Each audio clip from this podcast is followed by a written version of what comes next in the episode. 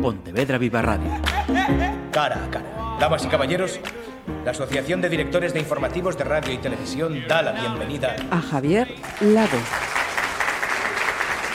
Saludos, ¿qué tal? Vuelve al estudio de Pontevedra Viva Radio Javier Lago López. Así que bienvenido de nuevo. Muchísimas gracias, ¿qué tal? Antes que nada también darte la enhorabuena ¿eh? por esa última novedad de la que vamos a hablar y que es la que nos eh, ha traído esta charla de nuevo con Javier. Nos había acompañado en 2017 con una playlist. Sí.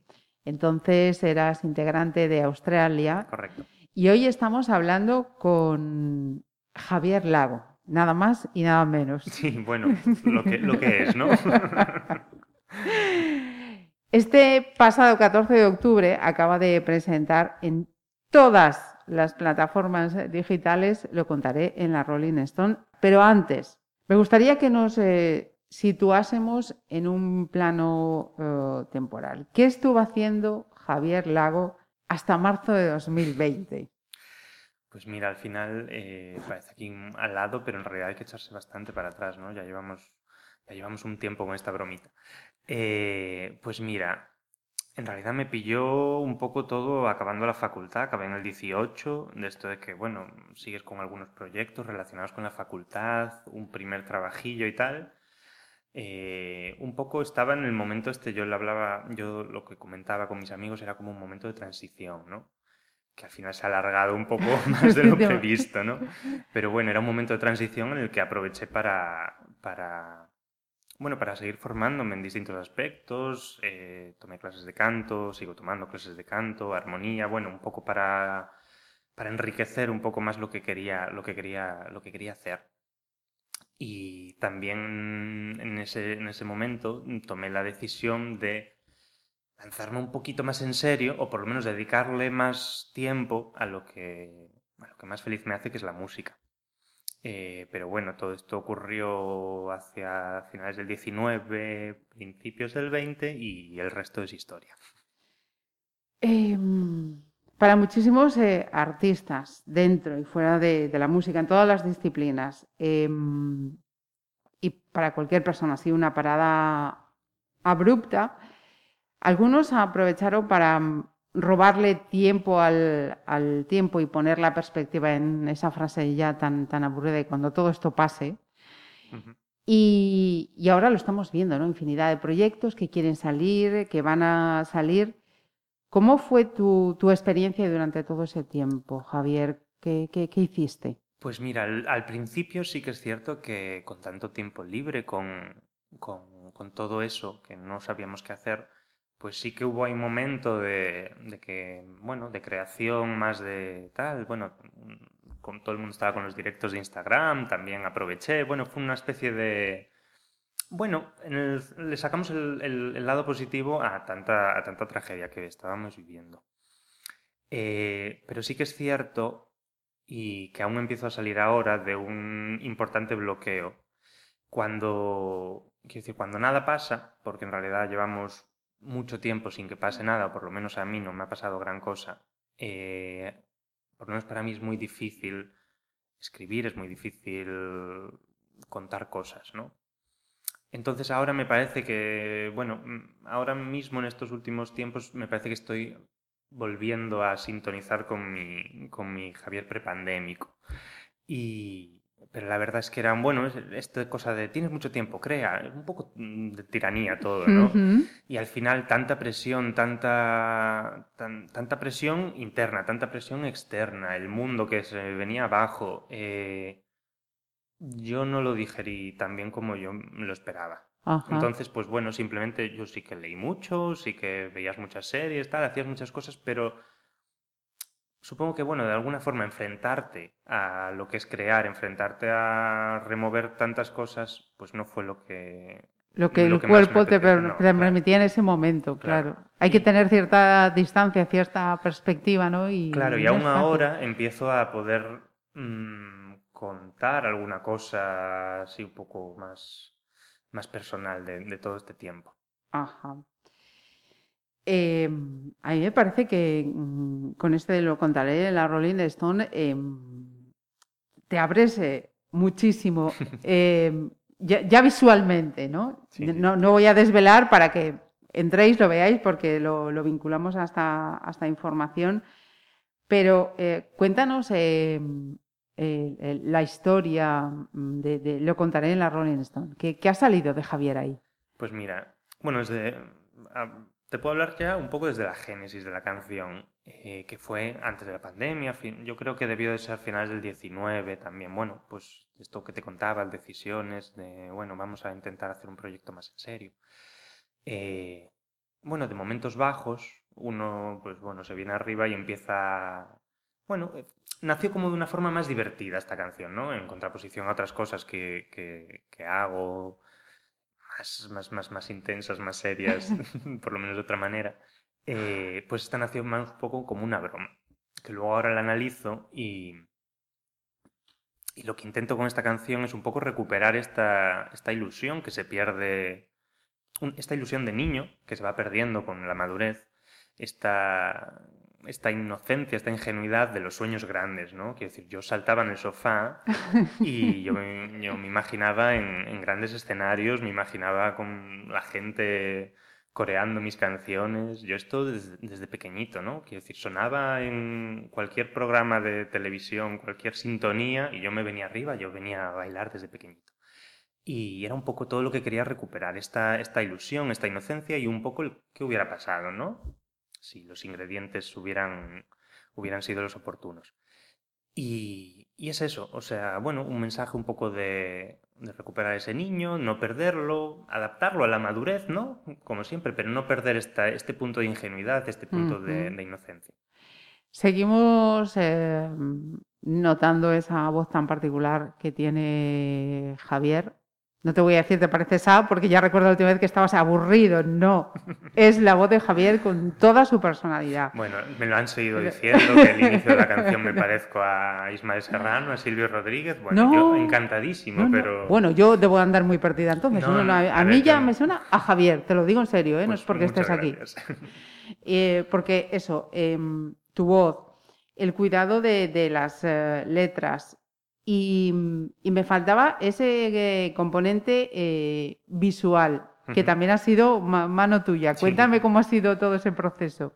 Eh, a ver, es que en realidad con toda la canción, con todo esto, llevamos un año.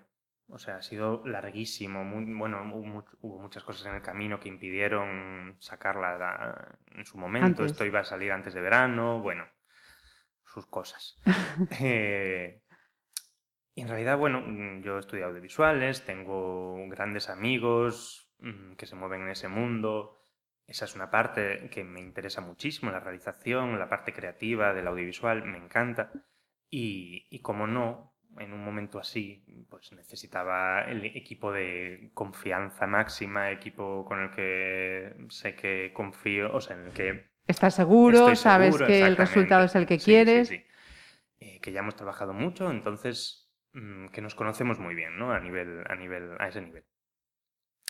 Y entonces, pues bueno, yo hablo, de mi equipo pandémico, ¿no? Porque esto se rodó en, en, marzo de 2021, o sea, estábamos en un momento malísimo, o sea, fue, mm, fue un poco fastidiado, ¿no? O sea, luego obviamente se generó ahí un oasis en medio del rodaje, lo pasamos súper bien y tal, pero bueno, al final fue un equipo de nada, cinco personas, seis, eh, cada uno haciendo una parte, ayudando muchísimo a todos.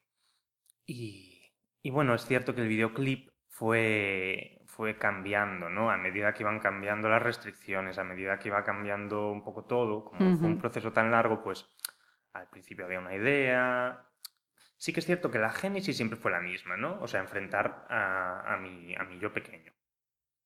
Y, pero sí que es cierto que, bueno, eh, si hubiera habido otro contexto, a lo mejor si se grabase ahora o un poco más adelante, mejor todavía, se hubiera hecho otra cosa, un poco más teatral, bueno, había, había ahí muchas, muchas propuestas distintas. Entonces lo que nos quedamos fue con, con eso, que era un ambiente más cerradito, lo grabamos aquí en O Sanatorio, en un centro cultural de Pontevedra, y, era todo un ambiente muy controlado.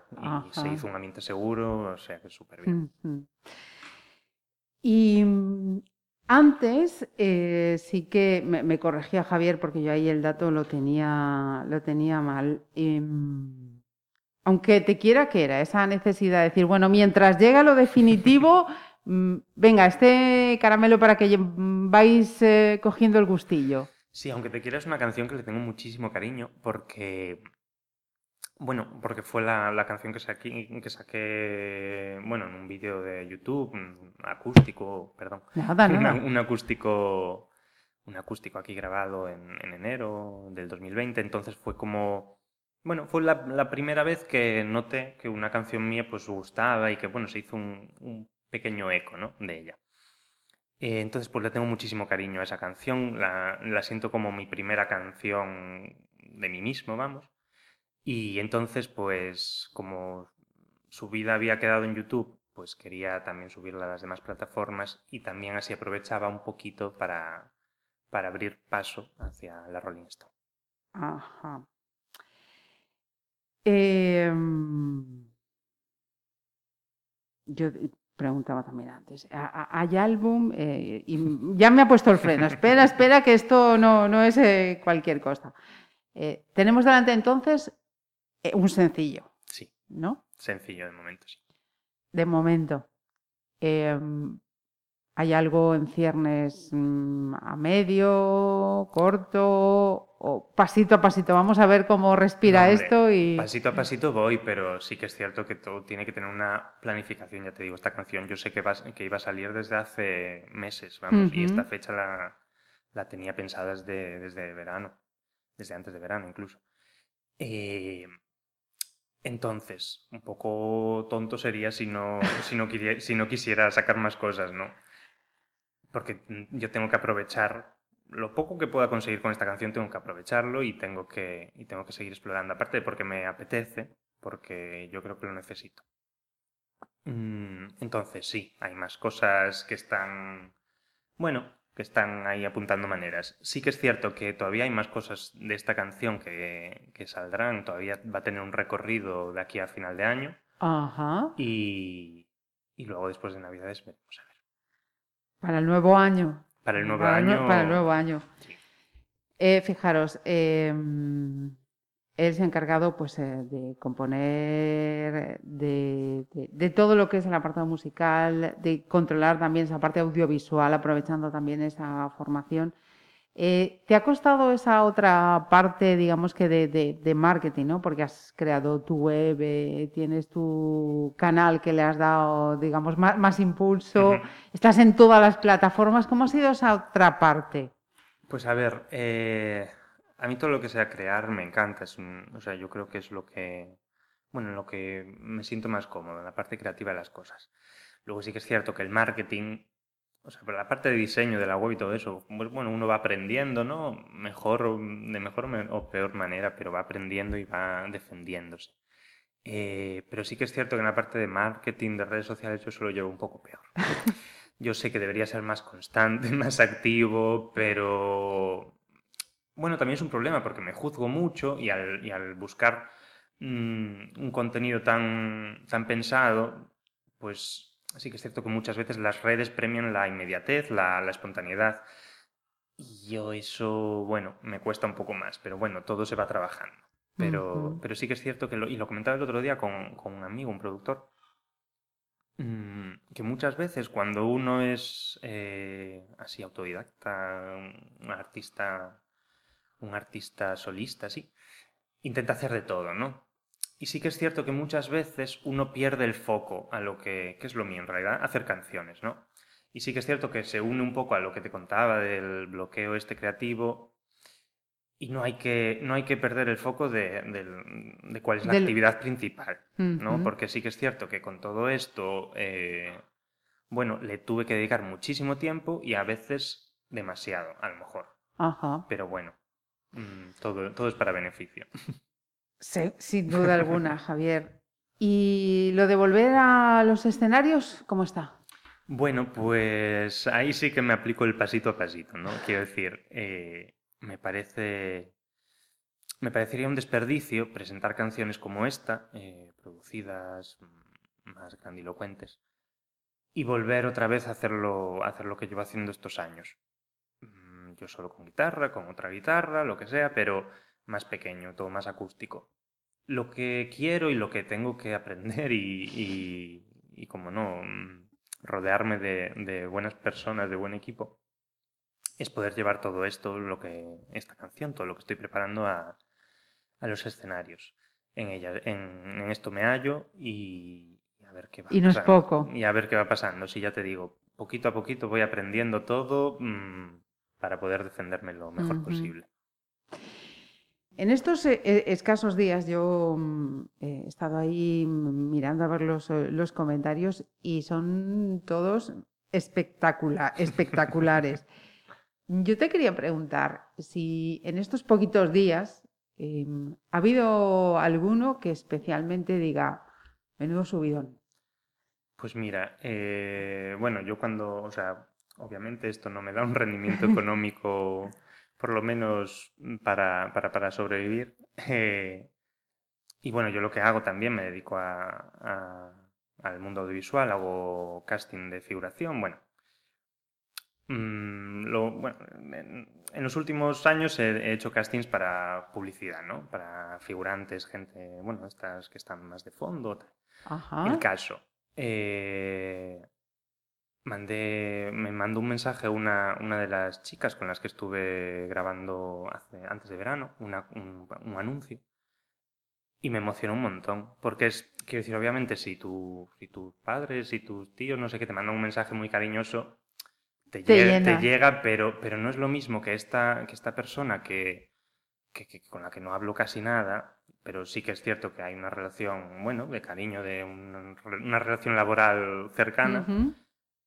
Y que me emocionó un montón, me mandó un vídeo con su reacción que estaba sin palabras, no sé qué, me dice que eres, bueno, es que me dijo unas cosas preciosas, eres un 10 de persona, no sé qué, que se estaba emocionando ella y digo yo, madre mía, alguien que no me lo esperaba, ¿no? Estos mm, comentarios que no te esperabas. Y, y me emocioné todo, fue lo que, lo que mejor recuerdo. Sí. Ajá. Pues ojalá lleguen, lleguen muchos más, que no me cabe duda.